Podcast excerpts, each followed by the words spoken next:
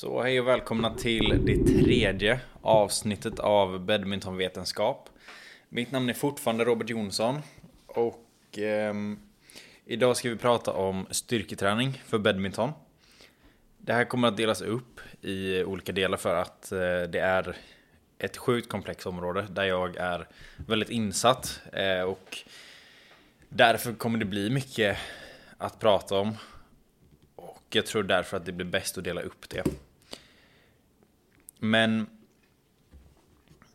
där återigen, syftet med det här är ju att eh, sprida vidare min kunskap. Och eh, kunna hjälpa er att hitta rätt i hur man hittar information, vad man ska tänka på, hur man ska göra det, vad man inte ska göra.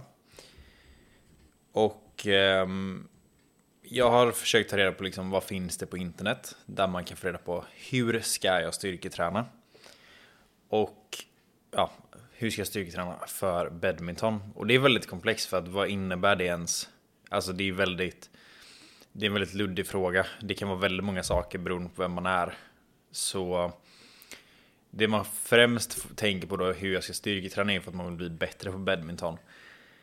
Man vill alltså få en prestationsökning på något sätt. Men det är inte såklart exakt eh, hur det kommer funka för dig. För i vissa fall så handlar det mer om att verkligen jobba skadeförebyggande för att kunna spela mer badminton. Och I andra lägen så är det att man behöver utveckla mer explosivitet. Eller snabbhet eller spänst. Eller, de går ofta hand i hand där. Men det är olika i eh, vad man behöver. Och därför så är det svårt att bara googla på hur ska man styrketräna. Men när jag gjort det så har jag hittat eh, lite olika grejer.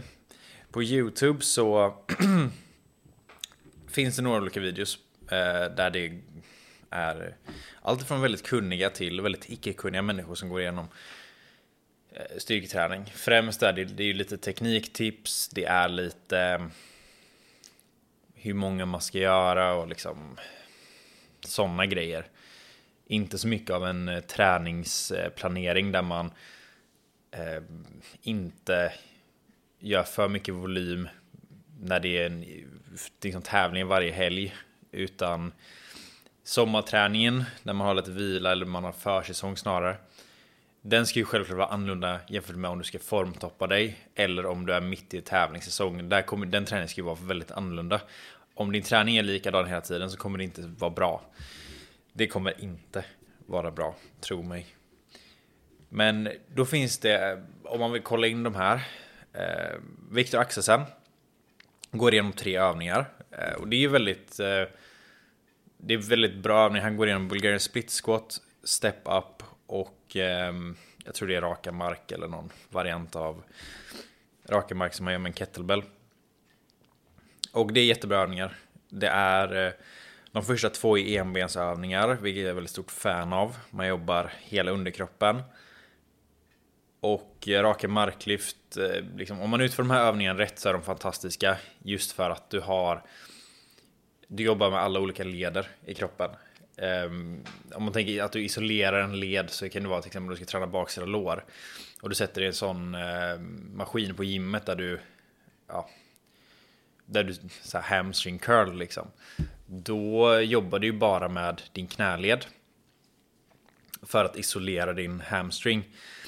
Eller baksida lår då. Om du istället kör raka marklyft till exempel. Då kommer du jobba med främst höftleden. Um, för du kan komma åt um, bakslag på olika sätt. Men du kommer ändå jobba med fler muskelgrupper. Så du blir inte isolerad på det sättet. Um, och man ska tänka på kroppen som att det är en kedja. Där allting hänger ihop. Och det finns fördelar av att isolera muskler. Det finns stora fördelar av det beroende på vad man är ute efter. Men om vi pratar mer om en atletisk träning så vill man inte isolera för mycket. Om man bara gör ett, ett visst antal övningar per träningspass. För att du kan få ut så mycket mer av att göra mer komplexa övningar. Men det som jag saknar i Viktor Axelsens eh, övningar, för jag tycker jag hade kunnat slänga in det här, det är eh, hip thrust. Det kan göras med ett ben eller två ben. Hip thrust är ju... Man, om man inte har koll på det, är, det är bara att googla på det. Det är väldigt lätt att hitta bilder på det. Eh, finns också en ja, lättare variant i en liten annan övning som en eh, glute bridge heter den. Glute bridge är att du ligger på eh, golvet på rygg. Du eh, liksom går in med fötterna mot rumpan så att eh, du har en rätt böjda knän. Och sen så skjuter du upp höften så att du spänner rumpan. Det är en rumpövning det här. Hip thrust är varför jag älskar hip thrust och varför ni också borde göra det. Är för att badminton handlar om att byta riktningar så fort som möjligt. Och eh, vara stabil och kunna hoppa, springa och så vidare. Hip thrust är en av de övningar som man har sett i studier att gör man det om man är stark i hip thrust så kommer du generellt vara bättre på att byta riktning eh, än någon som inte är lika stark där. Sen ska jag säga att de övningar som Viktor går igenom är fantastiska. Gör dem. Det är bra tekniktips. Det är väl en av de mer stabila videorna som finns där ute. På, ja, det är typ en av få som finns också för den delen. Men det jag gillar med hip thrust är att du kan göra det hemma. Du behöver inte ha någon direkt vikt för om du kör enbens-varianten eh, så kan det vara rätt tufft. Då måste du också jobba med stabilitet i ditt bäcken, vilket har rätt bra skadeförebyggande Eh, det är också. Till exempel, eh, det är någonting som jag jobbar väldigt mycket på själv. Jag kan ge, det här är ett rätt extremt exempel på den stabiliteten jag saknar i mitt bäcken. Om jag kör hipthrust med skivstång så kan jag göra fem repetitioner på 200 kilo. Och det är, det är rätt mycket vikt. Men jag har rätt svårt att göra bara med kroppsvikt med ett ben. Varför är det så? Det är lite oklart, det är fortfarande i processen att lista ut det för mig själv. En del av det är ju för att jag inte har så bra stabilitet i mitt bäcken. Um, liksom det saknar, ja, det saknar stabilitet helt enkelt. Och den styrkan som används för ett respektive två ben. Det är skillnad på dem. Det är, finns ju många på gymmet som man ändå ser som kan knäböja otroligt mycket vikt. Men de kan inte göra en pistol squat, det vill säga enbens knäböj. Och det är ju lite samma då som för mig. Och då är det ju träna på det för att man ska ju vara jämnstark men du vill också... Här handlar det ju inte om att jag är starkare i höger jämfört med vänster sida direkt utan här är det mer att jag är svag eh, så fort jag isolerar ett ben. Eh, och det är någonting jag måste jobba på. För det finns ju onekligen en väldigt bra potential, en styrkepotential. Det vill säga då för jag är väldigt stark när jag kan använda båda benen. Och den här potentialen måste jag nu omvandla då till att kunna göra det med ett ben. Men så det, vill, det var det jag ville lägga till med Viktors träningsprogram, som, eller ja, träningstipsgrejer som han har lagt ut. Kolla på videon. Sen har du, och den här, det, det, det kanske är elakt, men jag skrattade när jag kollade på videon. Jag tyckte det var det värsta jag sett. Nästan någon, jag visste faktiskt inte hur jag skulle reagera på det för att eh, det, det, var, det var pinsamt. Eh, och det här var ett sånt typiskt exempel när det är någon som säg, som ger tips för att man ska ge tips liksom. Det är ingen som har frågat, eh, eller kanske har någon gjort det, men om man inte känner att man, kan, att man har kunskapen så är det bättre att bara inte svara på det. Och säga att jag vet faktiskt inte det här. Det är inget skamligt att säga att man inte vet någonting.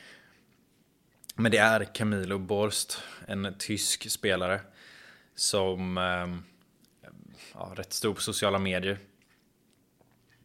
Och han går då igenom ett av sina helkroppspass. Där han kör tre sets med 8-12 repetitioner på alla övningar. Tekniken är helt katastrofal i nästan allting han gör. Det finns liksom ingen... Det finns ingen... Alltså i vissa delar, i vissa fall så är övningarna stabila liksom. För det är så här, vad är en bra övning och en dålig övning? Jag kan säga att alla övningar han gör, som han gör dem, så är det dåliga övningar. Och det är för att tekniken är värdelös. Tekniken är A och O. Men det är, de flesta övningar kan man argumentera för att de är bra om man gör dem rätt. Det handlar snarare om vad är det du vill få ut av din träning. Det är det som avgör om övningen är bra för dig. En övning, man kan inte prata om det som att är den bra, är den dålig, utan det är vad är ditt mål? Och hur utför du den? Hur många gör du? Vad är syftet? Det kommer avgöra om det är bra övning eller inte. Jag ska prata mer om det sen. Men den kan ni kolla på om ni vill se vad jag menar med att det är katastrofalt. Gör absolut inte det han gör på det sättet han gör det. Se till att ha en plan med vad ni vill. Eh, det handlar också om att bli Generellt eh, så vill man ju bli starkare. För blir du starkare så kommer du kunna på sikt bli mer explosiv. Om du väljer då att träna på rätt sätt så kommer du kunna utnyttja den styrkan du har ökat till att eh, bli mer explosiv, spänstigare och snabbare. Och det är ofta det man vill då när man pratar om det här styrketräning för badminton. Sen finns det, det är ett par, ett mixed par, eh, brittiskt, eh, som Badminton Insights som har ehm, eh, också en bra video på, ehm, på hur man ska styrketräna. Den är ändå eh, stabil liksom. Det är väl Viktor och Badminton Insight man kan kolla på om man vill se det för badminton. Annars eh, rekommenderar jag väl att man kontaktar någon som, som kan. Och lyssna inte på någon som säger att de kan för att de varit tränare det är väldigt många som tror att de kan styrketräning, som ger träningsprogram. Jag förstår inte hur man kan ge träningsprogram om man inte vet vad det är man håller på med. Det är skamligt. Jag har suttit och bara säger men det är lätt. Så skriver jag ihop det och sen så blir jag bara, men det här är ju skit. Jag kan inte, jag kan inte ge bort det. Så får man sitta med det mycket mer för man tror att det är lätt, för det är lätt egentligen. När man tänker på det, men sen när väl får ut pappa, bara fast det här stämmer inte liksom. Nu blir det för mycket volym, nu blir det för lite volym och sen så har man ju tävling någonstans däremellan också. Så prata med någon som kan. Om de inte prioriterar tekniken, om de bara ger dig ett program med så här, så här många ska du göra, si och så, eh, ofta och så vidare. Om du inte har fått lära dig teknik, skippa det. Bara strunt i det. Gå till någon som kan lära dig tekniken, lär dig tekniken och sen känn efter själv Lyssna inte på någon som bara ger dig program. Utan att faktiskt kolla att du kan det. Sen är det klart att om du kollar liksom på ett... Det finns ett eget ansvar i det här också, såklart. Men i så fall välj att undvika att, eh, att göra, alltså följa planen innan du har lärt dig tekniken. Lär dig övningarna och sen kan du följa programmet. Men innan du har perfekt koll på din teknik, bara följ inte ett program som är ihopsatt av någon som inte har gjort det utifrån dig. För det är också viktigt att ditt mål och din tränares mål eller vad det nu är, att det överens, alltså ditt träningsprogram kan ta dig dit. Det måste också, också vara någon som, det måste också vara någon som förstår att badminton, liksom syftet är inte egentligen att bli starkare i knäböj, syftet är att hoppa högre på plan eller att bli snabbare eller orka mer. Målet med styrketräning, syftet med träningen man gör utanför badmintonplan är att man ska tåla mer badminton. Och det kan man säga att det är skadeförebyggande träning i princip. Att jag tränar någon för att de ska kunna spela mer badminton på en högre intensitet utan att skada sig och att orka bibehålla sin intensitet. Det är målet med styrketräningen, inte att att liksom bygga muskler eller bli stark eller bli explosiv egentligen. Det handlar om att få ut det på plan. Och där måste det också finnas någon, faktiskt en plan för att hur tar vi den här styrkan och explosiviteten vi har fått upp i gymmet? Hur får vi ut den på plan? Där, det är ju där tränaren kommer in i rollen också med att Alltså badmintontränaren och fystränaren måste prata om det för att min plan till exempel när jag lägger upp eh, explosivitet, spänst och så vidare för någon det är att man börjar liksom att bygga, först har man det som kallas för hypertrofifasen, vilket är att du bygger muskler. Det är lite mer att du ska bygga en tålighet i leder och sen och vänja sig vid övningen och så vidare. Men också för att faktiskt bygga lite muskler för att musklerna blir mer tåliga då. Och du kan bli starkare om du har lite mer muskler. Men man vill ju inte väga för mycket när man spelar badminton för att det är bara onödig energi som slösas på det. Så först så bygger, bygger man lite muskler, i alla fall hypertrofi, vänjer kroppen vid det. Sen går man över till, och det, det gör man 8 till 12 reps ungefär. Sen så går man över till styrka. Då har man lägre antal repetitioner. Då är det ja, mellan 1 och 5. Varierar såklart. Inte alla övningar heller, utan man väljer ut de övningar som man tycker är viktiga. Generellt är det typ knäböj som är... Vi kan ta knäböj som ett exempel, för det är ofta där man gör det. Eh, säger du att man gör ja, fy, fyra repetitioner, liksom blir stark där. Sen så går man över till att man, man sänker vikten. Och börjar explosiva knäböj där du liksom hoppar upp nästan. För explosivitet handlar om hur fort du kan eh, accelerera någonting. Det vill säga att om jag har, säg 100 kilo på ryggen, jag kör knäböj. Om jag går, om det tar lång tid upp och ner, då är inte det explosivt. Eller vi struntar i ner, för ner ska alltid vara kontrollerat liksom. Men säg då att från bottenläget och upp igen. Om det tar för lång tid så kommer det inte bygga någon explosivitet, även om jag då liksom, det sista biten liksom verkligen trycker till sådär. Det kommer inte bygga explosivitet, utan det handlar om att ha en lätt vikt Så att du från bottenläget kan verkligen explodera. Det handlar om att explodera därifrån. Det måste gå fort. Du kan inte bygga snabbhet och träna, genom att träna långsamt på det sättet, utan du måste faktiskt eh, ha hög rörelsehastighet i det. Men ja, okej. Okay. Men sen så går man kanske över då till, eh, till ja, då, då kör vi hoppsquats med vikt till exempel. Och då ska man 3 till 6 repetitioner med rätt låg vikt. Och när man har liksom gått igenom den fasen, för det är olika faser vi pratar om då. Ofta någonting man vill göra på sommaren när man har mindre badminton. Det man gör sen då är att sen måste man gå över till spänsträning. Och här är där det blir intressant, för här någonstans måste man börja liksom få ihop det med tränaren.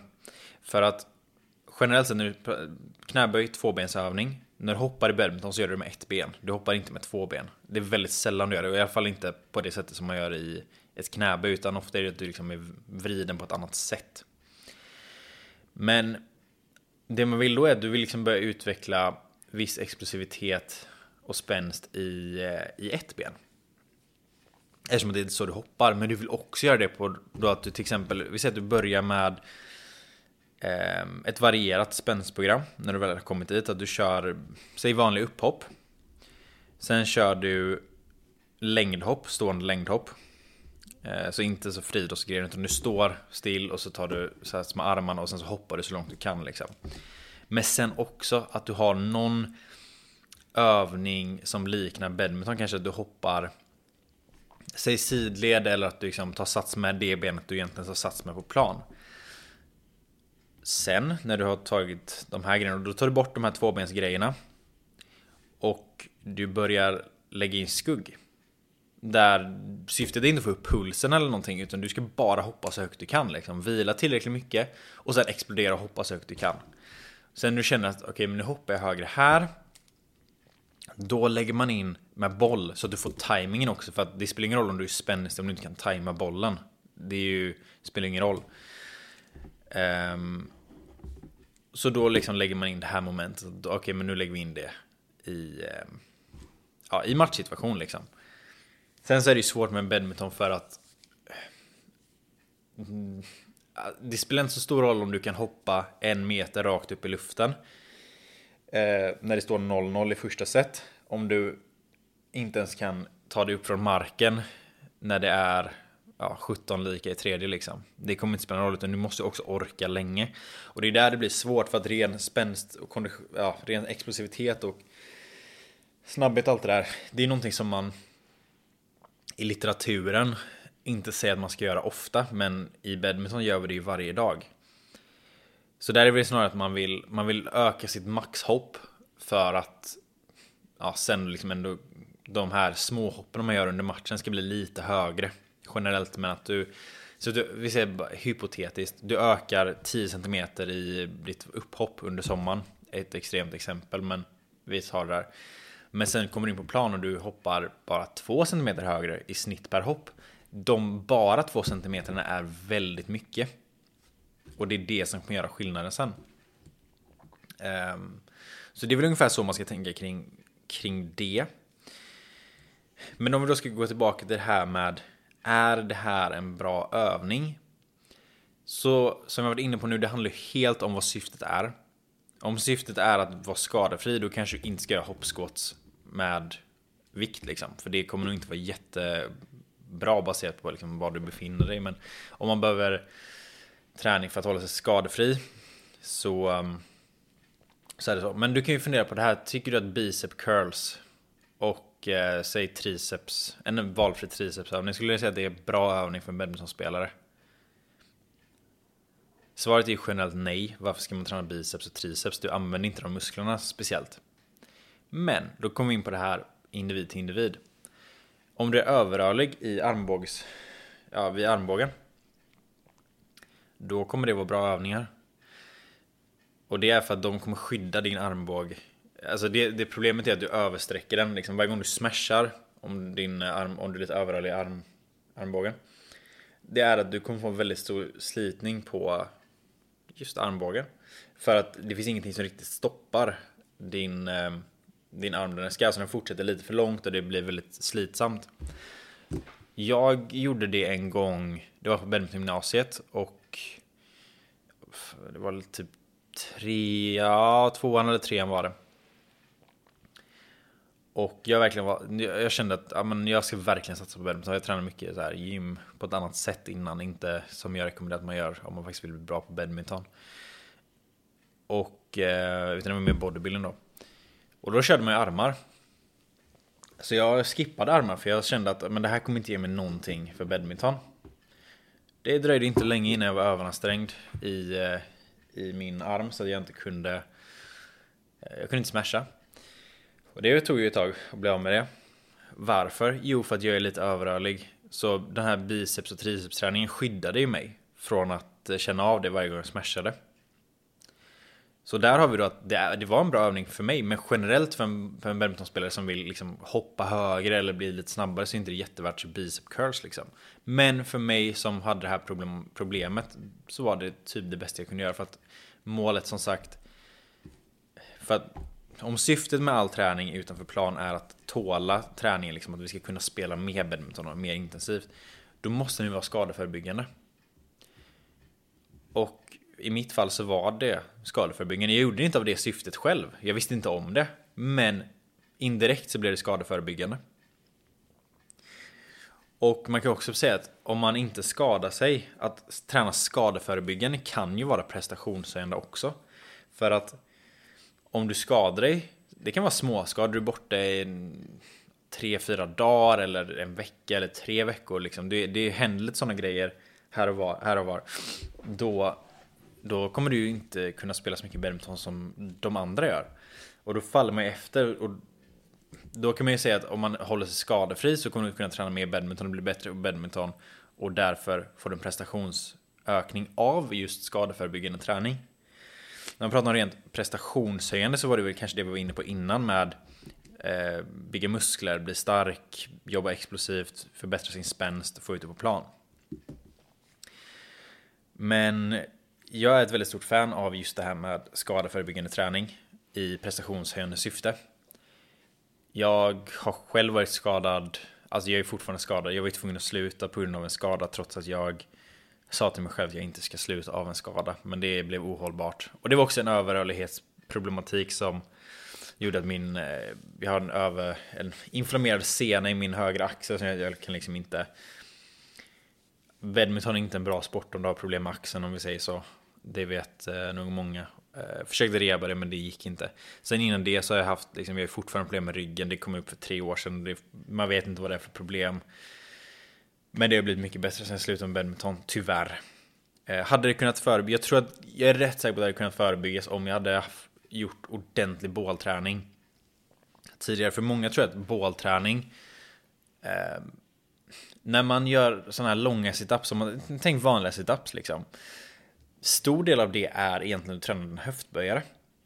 Och det är för att magmusklerna, de raka magmusklerna, de har inte så stor rörlighet liksom. De kan, de kan inte föra din, ja men din över, eller säg typ dina reben och resten upp till.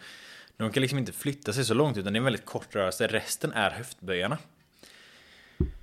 Och därför blir mycket av bålträning man gör som man tror är bålträning för magen liksom. Det är höftböjarträning jag tror att om jag hade tränat ordentligt med eh, mage, alltså både raka, snea, sidan av magen, ländrygg, rumpa. Då hade jag nog inte haft det där. Jag kanske hade haft problem med ryggen, men inte på den här nivån. Och därför tror jag att det är viktigt att man har någon som förstår att badminton är väldigt, alltså det är otroligt slitsamt för ryggen oavsett vem du är liksom. Nu har jag väldigt lång överkropp i förhållande till mina ben, vilket gör det ännu värre för min rygg. Men oavsett om du spelar i C-klass eller liksom, du är ute på tåren liksom. Träna bål, liksom, prioritera det tidigt i ditt liv. Är du 15 nu, när du lyssnar på det här, är du 18, är du 20, är du 25, 30, träna bål. För du kommer fortfarande leva liksom, ja, det är inte garanterat, jag kan inte lova att du kommer leva så länge, men, men om du ska leva ett liv till du är 80 så är det rätt gött om du inte har ont i ryggen för typ 50 av de åren liksom. Men om vi då ska prata om så här, hur jag tänker när jag lägger upp träningsprogram. För jag tror ändå det är det man vill, man vill få ut den här podden. Jag hade varit förbannad om jag liksom lyssnade på den här podden och inte fick med mig. Men hur ska jag träna då? Då är det som jag lägger upp. Jag tar mig själv som ett exempel för att det är liksom lätt att förklara. Ut, och också utan att nämna namn. Jag har ju tränat de stora namnen. Vissa av dem. Eh, så jag vet liksom hur det, hur det krävs, eller vad som krävs om man säger så. Men i mitt fall så man måste börja med att tänka på vilken del av säsongen är man i. Är du mitt i tävlingssäsong eller liksom där det är mycket tävlingar? Eller är du i en period, fortfarande tävlingssäsong, men det är lite lugnare liksom och det är inte så viktiga tävlingar. Då kan du ju träna med lite mer volym. Några fler sets, lite mer reps eller någon extra övning sådär. Det kan man absolut göra. Men eh, om du är mitt i din tävlingssäsong då, då vill du hålla liksom Du vill hålla intensiteten hög Det vill säga att vikten fortfarande är samma Men du sänker antalet repetitioner och eller antalet sets Så om du är van att köra tre gånger typ 3 gånger 6 på 100 kilo knäböj typ. Ehm, 2 gånger 3, 2 gånger 6, 1 gånger 6, 3 gånger 3. Alltså sänk volymen liksom. För det, du vill fortfarande vara stark, du vill bibehålla din styrka. Eh, eller explosiv, liksom vad det nu är vi pratar om. Men sänk volymen för du vill inte trötta ut dig. Där handlar det mitt i tävlingssäsongen handlar det om att bibehålla det man har tränat upp innan. Ehm, men mitt, mina egna träningsprogram är upplagda på det här sättet att första övningen är en komplex övning. Vad menar jag med komplex övning? Jo, det är någonting som som jag inte riktigt behärskar än. Någonting som är svårt. Det kan vara någonting jag behärskar men som jag vill göra ännu bättre. Det är vad jag kallar för bemästrande. Och det kan vara, det är väldigt olika från person till person. Jag har, jag vill inte tuta i min egna horn, men jag har väldigt bra teknik när jag tränar för att jag har jobbat mycket med min teknik för att jag tycker att det är så viktigt. Vilket innebär att jag kan göra fler övningar än eh, de flesta som är på gymmet. Då, då, de flesta människor i allmänhet. Jag kan göra fler övningar och jag kan göra dem bättre. Och det är för att jag har tränat på min teknik. Men så för mig kanske, ja okej, okay, men så för mig kanske handlar det om att jag ska lära mig att göra bättre frivändningar. Ja, nu är det ju helt uteslutet eh, där jag är med min axel. Tyvärr. Men att, för, att verkligen göra perfekta knäböj. Det kan vara första, första moment, liksom perfekt knäböj. Eller enbensböj eller som, det, som jag nämnde innan med enbens hip thrust. Att göra det så bra det bara går. Inte så tungt utan bara liksom tekniken är fokus. Det ska vara liksom lite så utmanande med vikten men tekniken ska vara perfekt. Du ska lära dig att bemästra en ny övning som du inte behärskar. Så för någon då som kanske är helt ny så kanske det handlar om att lära sig göra knäböj. Eller lära sig göra en hip thrust, pull-ups, vad som helst.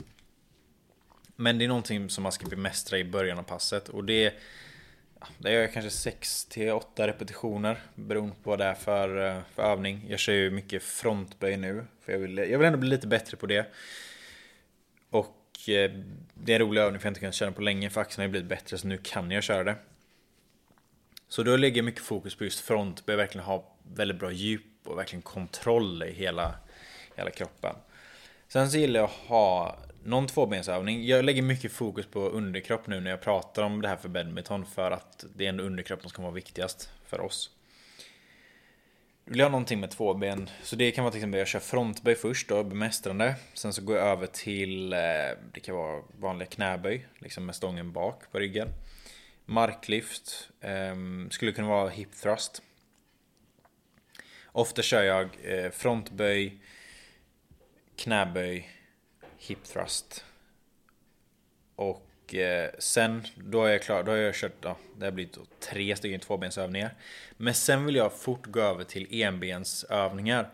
Och det är för att rätta till muskulära obalanser. Och det är att när vi spelar badminton så gör vi typ, jag är högerhänt så jag gör alla utfall med mitt högerben. Vilket innebär att jag är väldigt mycket starkare i mitt högerben.